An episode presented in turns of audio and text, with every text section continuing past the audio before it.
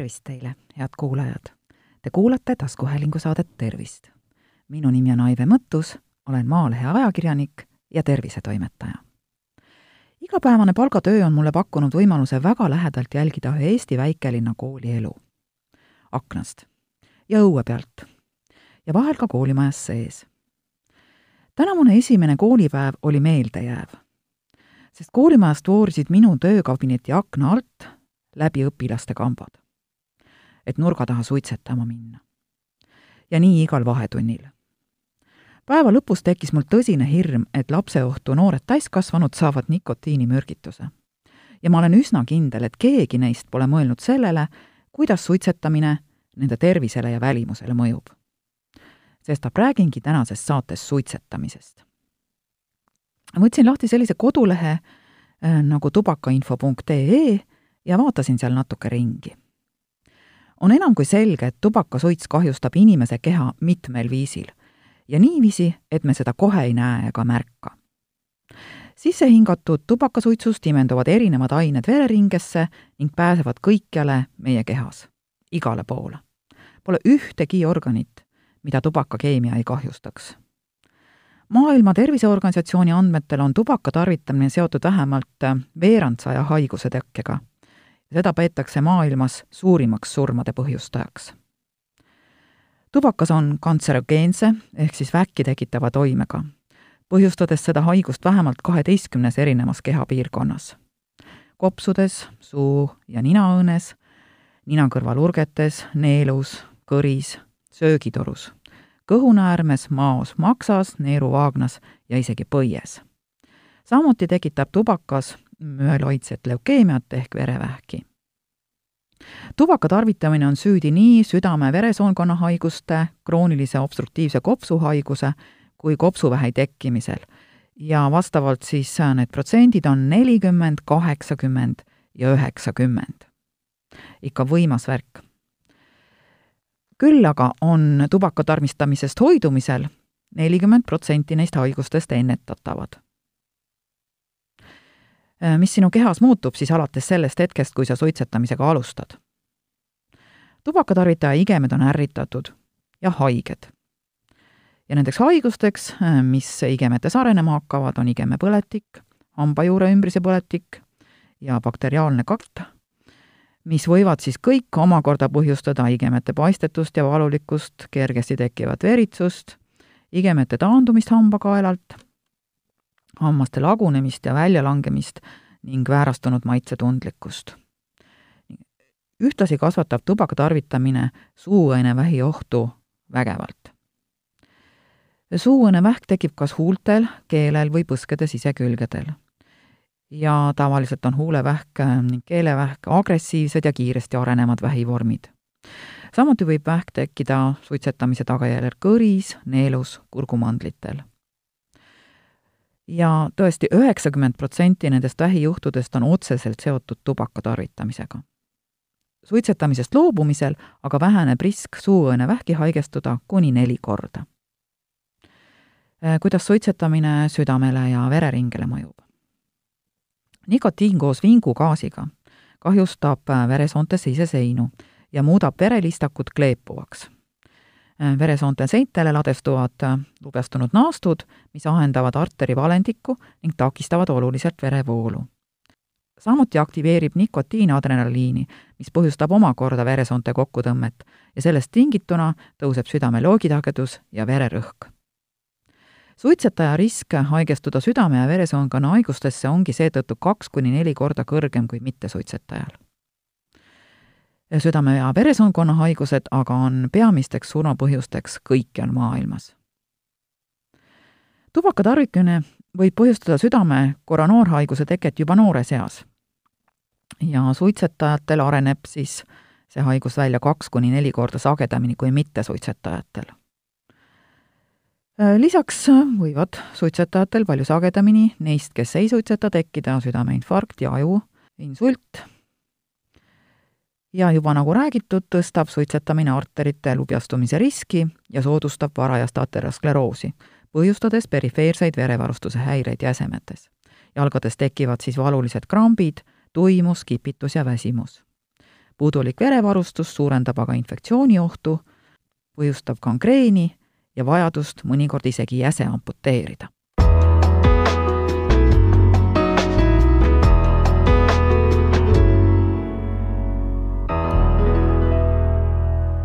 Aga jätkame koleda loeteluga, kuidas suitsetamine hingamisteedele mõjub.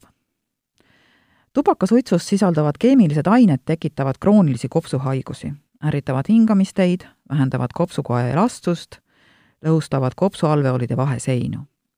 tekib krooniline õhupuudustunne, hingeldus ja köha. üheksakümmend protsenti kopsuvähijuhtudest on seotud tubaka tarvitamisega tubakasuitsus sisalduvad kantserogeenid ja tõrv põhjustavad vähiteket ja soodustavad selle edasiarenemist. kopsuvähk on väga sageli haiguse alguses varjatud kuuluga. ja kui juba tekivad sellised sümptomid nagu veriköha, hingamisraskus või midagi muud, võib vähk olla levinud juba teistesse kehaosadesse, näiteks luudesse, maksa, aiu. tubakakeemia, sealhulgas siis nikotiin, vähendab keharakkude võimet kasvajate arengut alla suruda ja tagajärjeks ongi suurem tõenäosus vähitekkeks. inimese DNA-s on peidus info, mis annab rakkudele juhiseid organismi normaalseks toimimiseks. ja see informatsioon on pakendatud geenidesse. kui aga DNA-s tekib viga, ilmneb mutatsioon, tekib rakkude ja seeläbi ka geenide töös häire.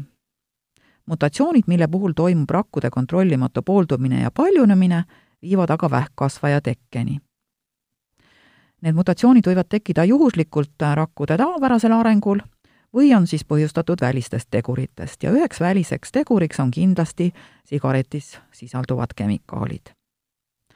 enne kui vähirakk tekib, peab ilmnema umbes kuus erinevat mutatsiooni. kehal on küll oma mehhanism mutatsioonide parandamiseks, kuid see mehhanism ei tööta alati laitmatult. ja kui mutatsioon avaldub inimese eluks vajalikus geenis, ning keha ei suuda seda kahjustust likvideerida, tekibki vähirakk. üldiselt tekivad vähirakud pika aja jooksul, kuid suitsetamine kiirendab seda protsessi, suurendades mutatsioonide arvu. kuigi eakatel ning igapäevasuitsetajatel on suurem risk vähki haigestuda, on oluline meeles pidada, et haigestumise riski suurendab iga suitsetatud sigaret. kõigest viieteistkümnest sigaretist piisab, et tekitada geenimutatsioon, mis võib põhjustada vähki. vähi ennetamiseks on seetõttu ainuõige suitsetamisest loobuda. kuigi juba olemasolevad mutatsioonid ei kao enam kuhugi, väheneb märkimisväärselt uute mutatsioonide ja seeläbi ka vähi tekkerisk.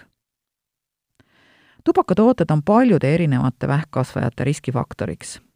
nii on näiteks sigaretid seotud siis, nagu juba öeldud, ähm, muuhulgas hingamiselundite ja söögitoru kasvajatega, vere, neeru, põie ja maovähiga. Snuffi ja snuusi tarbimine on seotud eelkõige suuõene, neelu ja kõhunäärmevähiga. tubakakeemia võib põhjustada maksavähki, sest maks töötleb ju läbi kõik kehasse sattunud kemikaalid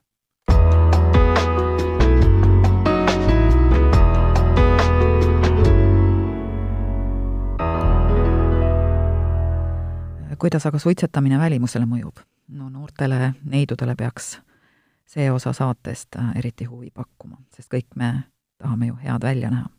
tubakatoodetel kahjuks on palju silmaga nähtavaid välimust rikkuvaid toimeid, kui neid tooteid siis tarvitada.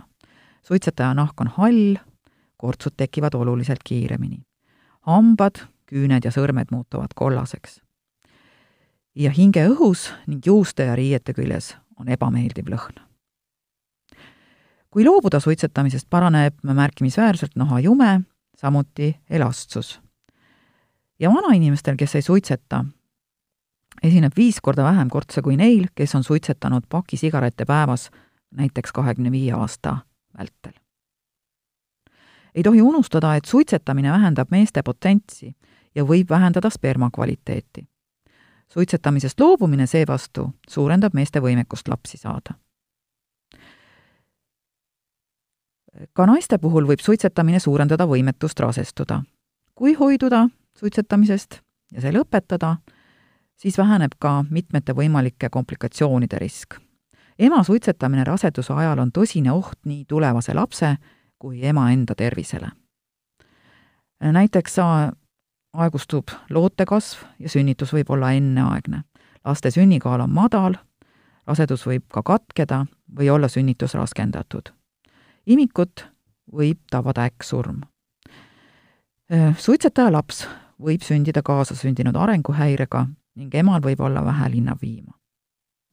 sündinud laps võib vajada arstlikku hoolt kohe pärast sündi, sest tema immuunsus on madal. kõik naised ju alustavad üldiselt rasedust unistades tervest, heade vaimsete ja füüsiliste võimetega lapse saamisest. Ometi näitavad faktid, et paljud tulevased emad-isad ei ole valmis oma eluviisi muutma ja tervisele kahjulikest harjumustest loobuma, et äh, oodata täiesti terve ja hea arenguvõimega lapse sündi. mis aga juhtuma hakkab äh, ja millal, kui sa suitsetamisest loobud? huvitavad asjad hakkavad juhtuma. kakskümmend minutit pärast äh, suitsetamisest loobumist normaliseeruvad vererõhk ja pulsisagedus. tund pärast loobumist väheneb rasedusaegsete tüsistuste oht terve rida siis neid tüsistusi, millest ma just äsja rääkisin, väheneb. kaheksa tundi pärast suitsetamisest loobumist langeb nikotiini tase veres ja keha verevarustus paraneb. ühe päeva pärast paraneb kopsude töö ja vingugaas hakkab organismist väljuma. teisel päeval hakkab eralduma nikotiin. Kolmandal päeval muutub hingamine juba kergemaks ja kuu pärast on suitsetamisest loobumise ärajäämanähud möödunud ning hingamine paraneb pidevalt. kuus kuud pärast suitsetamist, siis nende emade puhul, kes on äh, raseduse ajal suitsetanud, vähenevad tema lapse ohud kannatada hingamishäirete, astma, allergia, keskkõrvapõletiku ja muu all. Ning äh, kui ema on suutnud juba üks aasta suitsetamisest eemal hoida, siis väheneb ka tema laste oht alustada suitsetamist varases eas suitsetamise tagajärjel sureb aastas rohkem inimesi kui alkoholi, nakkushaiguste, liiklusõnnetuste ja narkovõsõltuvuse tagajärjel kokku. oluline on teada seda, et inimese organismil puudub kaitse nikotiini vastu. ja seepärast tõesti tekib algajatel suitsetajatel tihti nikotiinimürgitus. nii et minu kartus, et äh, minu töökabineti akna alt mööda marssivad koolilapsed, kes nurga taha suitsetama lähevad, saavad nikotiinimürgituse, ei olegi päris asjatu nikotiin tekitab sõltuvust, mis on sarnane heroiini ja kokaiini sõltuvusega. ning veel, mida need sigaretid sisaldavad. sigarettidele lisatakse tubakasuitsu valgendavaid aineid. kui te vaid näeksite, mis värvi on sigaretisuits tegelikult, siis mõtleksite hoolega, enne kui suitsu süütaksite. Nikotiini mõju tugevdamiseks lisatakse sigarettidele ka ammooniumiühendeid. ja kus seda ammooniumit siis veel kasutatakse? näiteks WC-pottide puhastusvahendites sigaretid sisaldavad ka metapreeni, mis on tuntud kui püt-, putukamürk. mitte ükski elund kehas ei jää tubakasuitsus leiduvatest kemikaalidest puutumata. kuid suitsetavate noorte hulk Eestis väheneb praegu väga kiiresti. Ja see on trend, mida järgida. nii et head väikelinna noored, keda ma iga päev igal vahetunnil nurga taha suitsu tegema ruttamas näen. tahate olla trendikad või mitte? valik on teie head kuulajad, te kuulasite taskuhäälingu saadet Tervist. saate leiate Delfi podcastide pesast tasku, nutirakenduste Spotify, Apple Podcasts, SoundCloud ja teised. hakake jälgijaks ja kuulake just teile sobival ajal. Ettepanekuid teemade kohta, mida saates käsitleda, ootan teilt e-posti teel aadressil tervist at maaleht.ee. minu nimi on Aive Mõttus, olen Maalehe ajakirjanik ja tervisetoimetaja. tervist teile!